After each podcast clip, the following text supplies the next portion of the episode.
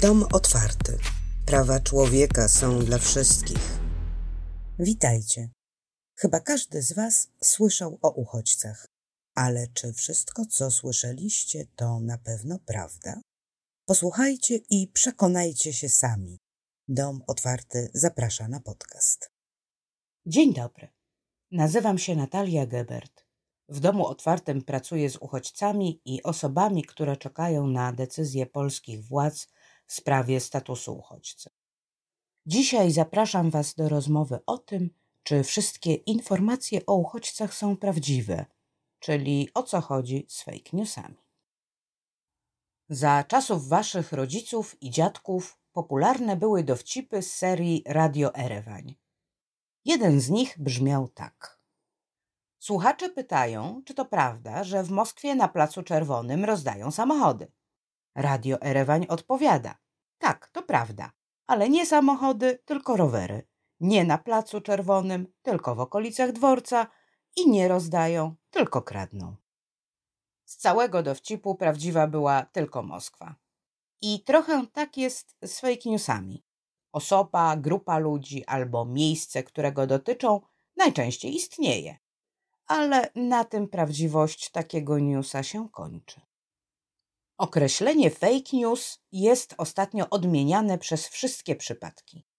Do historii dziennikarstwa przejdzie zapewne były prezydent Stanów Zjednoczonych Donald Trump, który zasłynął nie tylko rozpowszechnianiem masy nieprawdziwych stwierdzeń, ale też komentarzem pod adresem dziennikarza nielubianej przez niego stacji CNN: Pan jest fake newsem. Oczywiście człowiek fake newsem być nie może. Tego określenia powinniśmy używać do opisania wiadomości, które są niezgodne z prawdą. Czyli opisują sytuacje lub wydarzenia, które nigdy nie miały miejsca. Niektórzy uważają, że w kategorii fake news mieści się też dezinformacja, czyli takie wiadomości, które są częściowo prawdziwe. Opisują coś, co się faktycznie zdarzyło, ale nadają zdarzeniu nieprawdziwy kontekst czy interpretację. Pokażę Wam to na przykładzie.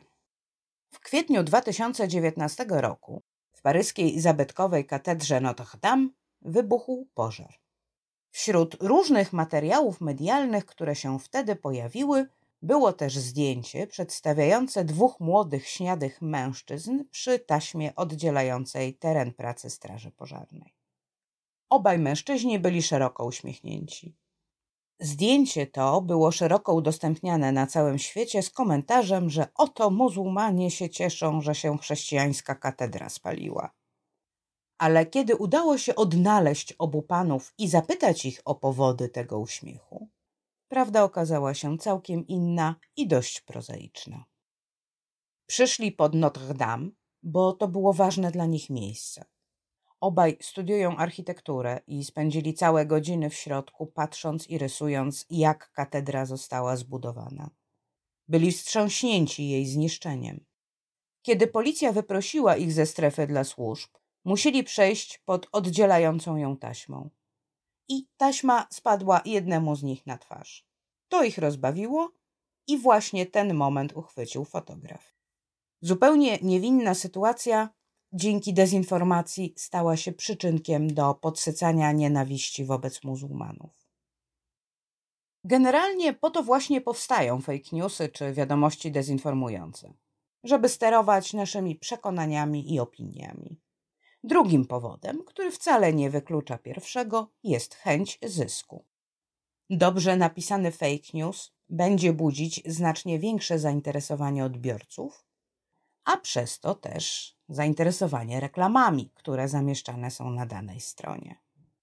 Przed wyborami prezydenckimi w USA w 2016 roku para przedsiębiorczych studentów z Macedonii zarobiła duże pieniądze, pisząc zupełnie zmyślone historie.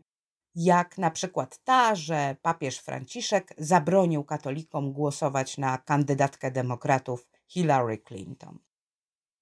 Tworzenie i rozpowszechnianie nieprawdziwych informacji, które mają wpłynąć na nasze zdanie, to cały przemysł w internecie. Być może słyszeliście określenie fabryka troli. Tak się nazywa firmy, które najczęściej za pieniądze zajmują się taką działalnością. Takie firmy są również w Polsce i jest ich coraz więcej. Były pracownik jednego z takich portali w wywiadzie tak opisywał swoją pracę. Ten portal to już w ogóle była jazda. Miało być jedynie kontrowersyjnie i klikalnie. Wszystko pisaliśmy bez weryfikacji źródeł. Zmyślaliście? Nie, raczej czerpaliśmy informacje z mało poważnych i niesprawdzonych stron. Jak gorący był temat uchodźców, to zbieraliśmy różne niestworzone historie o uchodźcach i puszczaliśmy dalej w świat, dodając, że to właśnie dlatego trzeba stawić im opór. Ile z takich informacji trafiło do Was? Jak często się zastanawialiście, czy to prawda? Nieprawdziwe informacje mogą pojawić się wszędzie. Także w tych źródłach, którym zwykle ufamy i które uważamy za poważne. Kilka lat temu Polskę obiegła wiadomość o grze Niebieski Wieloryb, która rzekomo miała doprowadzać nastolatków do odebrania sobie życia. Sprawę zaangażowała się prokuratura, podejmując śledztwo, a także Ministerstwo Edukacji, które ostrzegało rodziców i nauczycieli przed tym niebezpiecznym zjawiskiem. Tyle tylko, że wiadomość, która stała się podstawą całej historii, była, no właśnie, fake newsem. Taka gra nigdy nie istniała. Ale takie nieprawdziwe informacje mogą powodować prawdziwe niebezpieczeństwo. Wyobrażacie sobie, co by się stało, gdyby jakaś nastolatka czy nastolatek faktycznie uwierzyli w istnienie tej gry i postanowili w nią zagrać? Mężczyźni ze zdjęcia, o którym opowiadałam wam na początku, przez długie tygodnie dostawali setki rasistowskich komentarzy i gruźb, aż bali się wyjść z domu z obawy, że ktoś ich napadnie. Jeden z fake newsów rozpowszechnianych przez naszych przedsiębiorczych studentów, tym razem mówiący o tym, że w pewnej pizzerii rzekomo spotyka się gang pedofilów, a policja i FBI nic z tym nie robią, sprawił, że pewien przejęty obywatel postanowił sam zaprowadzić porządek. Z bronią palną w ręku. Na szczęście jego kule nikogo nie zabiły, ale mogło być inaczej.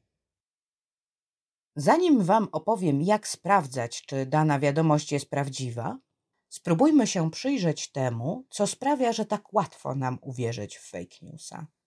Takie wiadomości odwołują się zawsze do naszych emocji. A jak już włączą się nam emocje, to nie bardzo umiemy myśleć racjonalnie i na chłodno. Najczęściej fake newsy odwołują się do strachu, zagrożenia, niebezpieczeństwa, jak z błękitnym wielorybem, który miał zagrażać życiu dzieci. Innym przykładem wiadomości żerującej na emocjach związanych z dziećmi może być historia, która w 2016 roku obiegła Berlin.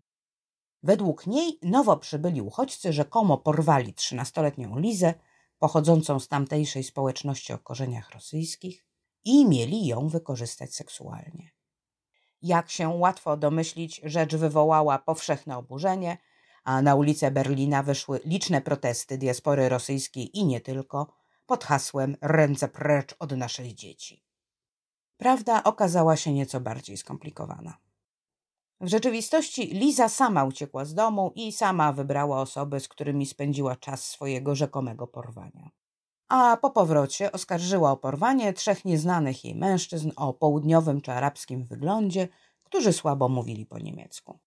Stąd w opinii społeczności był już tylko krok do uchodźców z Bliskiego Wschodu i masowych protestów. Ta historia posłużyła do stworzenia całego szeregu fake newsów, które miały nastawić ludzi negatywnie do uciekinierów z terenów objętych wojną, szukających w Europie bezpieczeństwa. W fake newsy wierzymy tym bardziej, im bardziej potwierdzają nasze poglądy. Każdy z nas lubi dowiedzieć się, że ma rację, prawda? Jeśli zatem ktoś jest miłośnikiem kotów, będzie niemal bezkrytycznie ufać wszystkim wiadomościom, które opisują, jak to posiadanie kota dobrze wpływa na właściciela. A jednocześnie nasz kociarz czy kociara zapewne nie zaszczyci nawet minutą uwagi, żadnego materiału, który stawia tezę przeciwną, czyli na przykład, że koty szkodzą zdrowiu. Albo od razu go skrytykuje na wszystkie możliwe strony. I nieważne będzie, czy artykuły opisujące jedną lub drugą tezę są prawdziwe. Potwierdzają to, w co wierzymy. i to wystarczy, żebyśmy im zaufali. Ten mechanizm wykorzystują algorytmy mediów społecznościowych. Pozostając przy temacie kotów, na pewno macie wśród swoich znajomych na Facebooku czy Instagramie osoby, które mają w domu kota i osoby, które mają w domu psa. Jedne i drugie często udostępniają zdjęcia swoich pupilów. Ale jeśli polubicie zdjęcie czyjegoś kota, a nad psem przejdziecie obojętnie, media społecznościowe uznają, że należycie do kociej frakcji i psy będą wam pokazywać znacznie rzadziej albo wcale. Choć liczba posiadaczy psów wśród waszych znajomych wcale się nie zmieniła. A wreszcie lubimy straszne historie. Dobrze jest siedzieć w bezpiecznym domu, gdzie jest ciepło i przytulnie, i czytać o różnych okropnych rzeczach, które przydarzają się gdzieś tam w szerokim świecie, bo przecież nie u nas i nie nam. Jeśli są wśród Was miłośnicy horrorów, to wiecie o czym mówię. I dopóki te historie pozostają w świecie fikcji, wszystko jest w porządku. Gorzej, kiedy ktoś zaczyna je wykorzystywać, żeby stworzyć nasze wyobrażenie o rzeczywistości. I tu wychodzi nam kolejna cecha fake newsów. Zwykle nie mówią one o konkretnej osobie, a o jakiejś grupie. Uchodźcy to, bezdomni tamto, osoby LGBT owo, a Romowie dziesiąte. Jeśli przypomnicie sobie historię zdjęcia z początku naszej rozmowy, to zauważycie, że jego opisy dotyczyły nie tych dwóch konkretnych mężczyzn, a ogólnie muzułmanów. A jeśli nie mamy możliwości skonfrontowania takich opisów z rzeczywistością, bo nie znamy żadnego uchodźcy, Roma, muzułmanina, bezdomnego, to zaczynamy wierzyć w to, że cała opisywana grupa tak ma. Jest zła, niebezpieczna, nieprzyjazna itd. Tak I tak w naszej głowie powstają stereotypy. Ale o stereotypach więcej Wam opowiem innym razem. Teraz wróćmy do tego, jak rozpoznać fake newsa. Zgodnie z klasycznym dziennikarskim wzorem, informacja powinna odpowiadać na podstawowe pytania dotyczące opisywanego wydarzenia: kto, co, gdzie, kiedy, po co, jak i dlaczego. Jeśli powiemy, że Kasia poszła wczoraj do sklepu, żeby kupić mleko, bo się skończyło, to jest informacja. Ale już wypowiedź, że Kasia poszła do tego paskudnego sklepu, gdzie nigdy nie sprzątają, będzie oceną. To nie znaczy, że ten opis nie jest prawdziwy, bo może faktycznie w tym sklepie, który odwiedziła Kasia, sprząta się rzadko. Ale pojawiło nam się słowo paskudny, które już zdecydowanie informacją nie jest. Jest opisem naszych odczuć. I to jest pierwsza ważna rzecz, o której trzeba pamiętać, kiedy czytamy czy oglądamy wiadomości. Informacja to nie to samo, co opinie. Wspominałam już, że fake newsy żerują na naszych emocjach. I to jest kolejna rzecz, na którą trzeba zwracać uwagę. Im bardziej emocjonalny tytuł, im więcej w nim wykrzykników, tym większe prawdopodobieństwo, że opisywana historia niekoniecznie się zdarzyła, albo że przedstawiony opis nie jest w pełni zgodny z faktami. Żeby dać Wam przykład faktycznego wydarzenia, które było różnie opisywane, a niektóre opisy celowo formułowano tak, żeby podsycić niechęć do danej grupy, nawet kosztem faktów. Oto w Sewilli, mieście w Hiszpanii, co roku w Wielki Piątek idzie uroczysta procesja.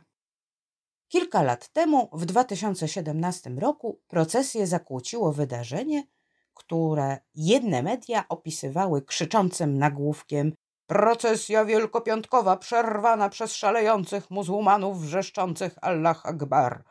Podczas gdy nagłówki w innych mediach brzmiały Rozrabiacy wywołali panikę podczas procesji w Wielki Piątek w Sewilli. Można by pomyśleć, że mowa o dwóch różnych wydarzeniach. Tak wielki jest emocjonalny odstęp między tymi tytułami. A co się wydarzyło naprawdę? Grupa młodych ludzi postanowiła sobie urządzić zabawę kosztem uczestników procesji. Wysłali więc kolegę Senegalczyka, skądinąd chrześcijanina, żeby podbiegł do procesji z okrzykiem Allah Akbar, czyli Allah jest wielki. Ku ich rozczarowaniu procesja nie zwróciła na to większej uwagi. Człowiek potrzebuje publicznie zrobić wyznanie wiary, to potrzebuje już. Pomysłodawcy postanowili zatem naprawić swój błąd i już zbiorowo podbiegli, krzycząc hasła, których używała ETA. ETA to organizacja walcząca o niepodległość Basków, grupy etnicznej zamieszkującej Hiszpanię. W swojej walce nie przebierała w środkach, sięgając często po zamachy terrorystyczne.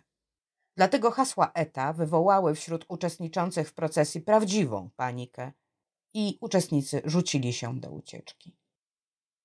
Odbiega to od pierwszego z przywołanych tytułów, prawda? Kolejną rzeczą, która cechuje fake newsy, jest to, że nie podają źródeł. Jeśli w takiej nieprawdziwej wiadomości pojawiają się daty, miejsca, liczby czy cytaty, to niemal nigdy nie będzie przy nich informacji, skąd się wzięły. Najczęściej są po prostu wyssane z palca, ewentualnie zmanipulowane.